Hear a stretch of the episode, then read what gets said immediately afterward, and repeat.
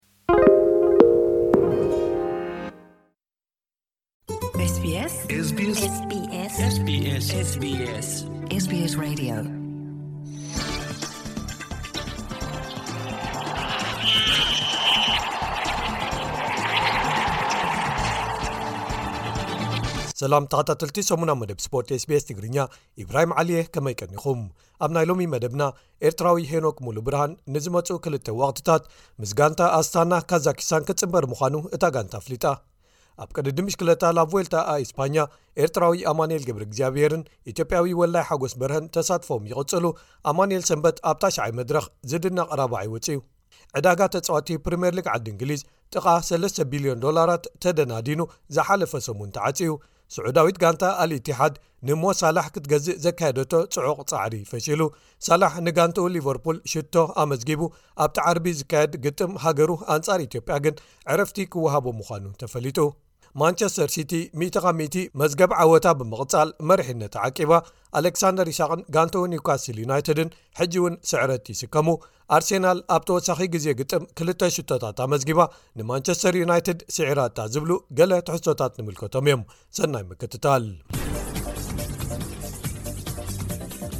መበል 78 ቅድዲ ምሽክለታ ላብ ቮልታ ችክሊሳ ኣይስፓኛ ብመሪሕነት ኣሜሪካዊ ኣባል ጋንታዮም በቪስማ ሰብ ካስ ቀዳማይ ሰሙኑ ኣጠናቂቑ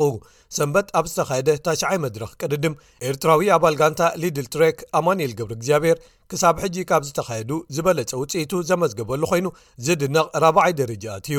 ኢትዮጵያዊ ኣባል ጋንታ ቲም ጀይኮ ኣሉላ ወላይ ሓጎስ በረ ብሓፈሽኡ ኣብ መበል 121 ተርታ ተሰሪዑ ተሳትፉ ክቕጽል እንከሎ ኣማኑኤል ኣብ መበል 98 ተርታ ተሰሪዑ ኣሎ። እዚ ቅድድም ብሽክለታ 21 መድረኻት ኣካቲቱ ንሰለስተ ሰሙናት መመላእታ ዝካየድ ኮይኑ ሶኒ ቀዳማይ መዓልቲ ዕረፍቱ ክወስድ እዩ ሰሉስ ክምለስ እንከሎኻ ብቕድድም ቅልጣፊ ግዜ ብውልቂ ክቕፅል እዩ ብኻልእ ወገን ኤርትራዊ ኣባል ጋንታ ኪው 36 ነጥቢ 5 ኮንቲነንታል ቲም ናሆም ዘርኣይ ኣብቲ 4ባዕተ መድረኻት ዝነበርዎ መበል 59 ቅድዲ ምሽክለታ ጂሮ ዴላ ርጅነ ፍርወሊ ቨኒዝያ ጅዮላ ተሳቲፉ ብሓፈሽኡ ዝድነቕ መበል 13 ደረጃ ሒዙ ተሳትፉ ዛዚሙ ሓሙስ ኣብ ዝተዛዘመ ካልእ ቅድድም ብሽክለታ ዙር ኢራን ወይ ኣዘርባጃን ኣባል ጋንታ ተረንጋኑ ፖሊጎን ሳይክሊን ቲም ዝኾነ ኤርትራዊ መትከል እዮብ ኣብ ሓፈሻዊ ምድባት ዝድነቕ ራባዒ ደረጃ ሒዙ ምውፅኡ ተፈሊጡ ኣሎ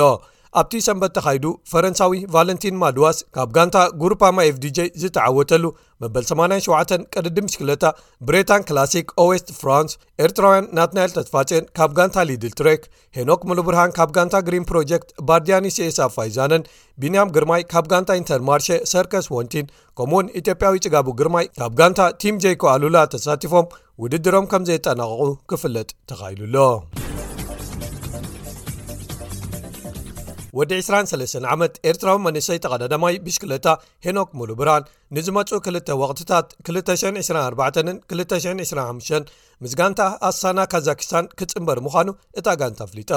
ሄኖክ ምስዛ ጋንታ ምጽምባሩ ሕጉስ ምዃኑ ድሕሪ ምግላጽ እቲ ናብ ዙር ዓለም ክቀዳደም ዝነበሩ ሕልሚ ግሁድ ከም ዝገበረሉ ሓቢሩ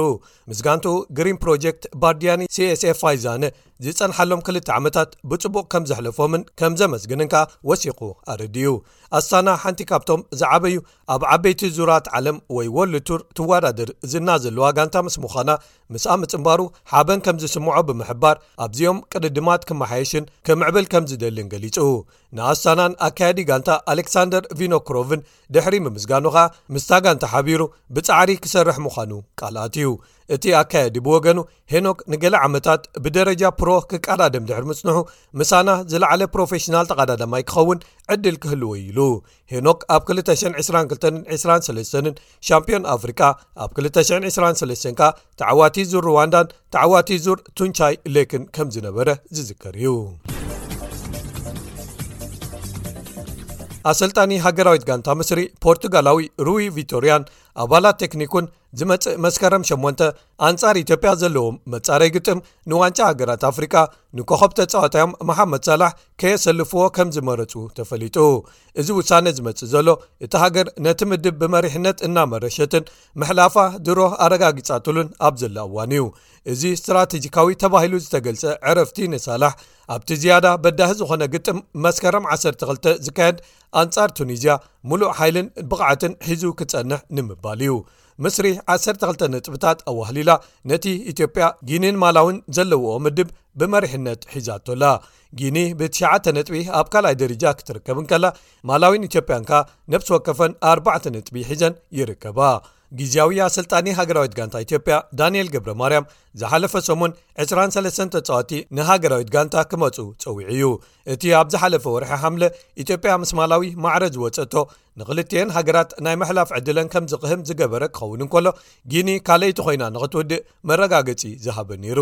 ከምዚ ዝከር ኢትዮጵያ ኣብቲ ፈላማይ ምድባዊ ግጥም ንምስሪ ክልተ ባዶ ዘይተሓስበ ምስ ሰዓረታ ማሕበር ኩዕሶ እግሪ እታ ሃገር ንኣሰልጣኒ ነበር ኢሃብ ጋላል ካብ መዝነቱ ከምዝእለ ገይርዎ እዩ ድሕሪኡ ምስሪ ኩሎም ግጥማታ ብምዕዋት መሪሕነት ክትሕዝን ምሕላፋ ከተረጋግጽን ክኢላ እያ እታ ድሕሪ ዝዓወት ኣብ ልዕሊ ግብፂ ሓደ ነጥቢ ጥራይ ከተዋህልል ዝኸኣለት ኢትዮጵያ ግን ኣሰልጣንያ ክትቅይር እንተተገደደት እኳ ኣብ ውፅኢታታ ዘምፅኦ ለውጢ የለን ኢትዮጵያን ንምስርን ኣብ መጻረይ ግጥማት ንዋንጫ ዓለም 226 ኣብ ሓደ ስለ ዝተመደባ እቶም መጻረይ ግጥማት ኣብ ወርሒ ሕዳር ክጅመሩ ከለዉ ደጊመን ክራኸባ ምዃነን እውን ተፈሊጡ ኣሎ ራብዓይ ሰሙን ግጥማት ኩዕሶ እግሪ ፕሪምየር ሊግ ዓዲ እንግሊዝ ኣብዚ ተኻየድሉ ኣውስትራልያዊ ኣንጅ ፖስት ኮግሉ ዘሰልጥና ጋንታ ቶተናሞትስፐር ክሳብ ሕጂ ስዕረት ከየጋጠማ ምረሻኣ ብምቕጻል ንበርንሊ ብገፊሕ ሓሙሽተ ብክልተ ስዒራታ ደቡብ ኮርያዊ ሓለቓ ጋንታ ሶን ሂዩን ሚን ኣብዚ ወቕቲ ንፈለማ ግዜ ብሓፈሽኡ ከኣ ንሓሙሻይ ግዜኡ ሃትሪክ ብምስራሕ ሰለስተ ሽቶታት ኣመዝጊቡ ሻምፕዮን ማንቸስተር ሲቲ ብተመሳሳሊ 10 ካብ 10 ዓወታቶም ብምቕጻል ኣጥቃዓይ ኤርሊን ሃላንድ ሰለስተ ሽቶታት ኣመዝጊቡ ኣብ ልዕሊ ፉልሃም ሓ ብሓ ተዓዊታ ኤርትራዊ ሽወደናዊ ኣሌክሳንደር ይሳቕን ጋንትኡ ኒውካስትል ዩናይትድን ግን ሕጂ'ውን ንሳልሳይ ተኸታታሊ ሰሙኖም ስዕረት ኣጋጢምዎም ብብራይተን ሰለስተ ብሓደ ተሳዒሮም ኣሌክሳንደር ኣብ መበል 74 ደቒቕ ተቐይሩ ክወጽእ እንከሎ ነታ መጸናንዒት ሽቶ ዘመዝገባ ኸኣ ኣጥቃዓይ ካለም ዊልሰን ነይሩ ወዲ 18 ዓመት ኣየርላንዳዊ ኢቫን ፈርግሰን ንብራይተን ሰለስተኤን ሽቶታት ኣመዝጊብወን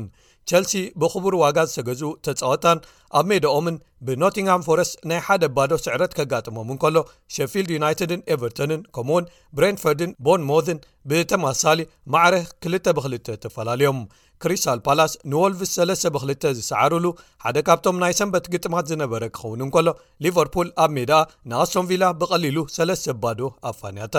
እቲ ዓብዪ ትፅቢት ዝተገብረሉ ግጥም ግን ኣርሴናልን ማንቸስተር ዩናይትድን ዝተራኸቡሉ ነይሩ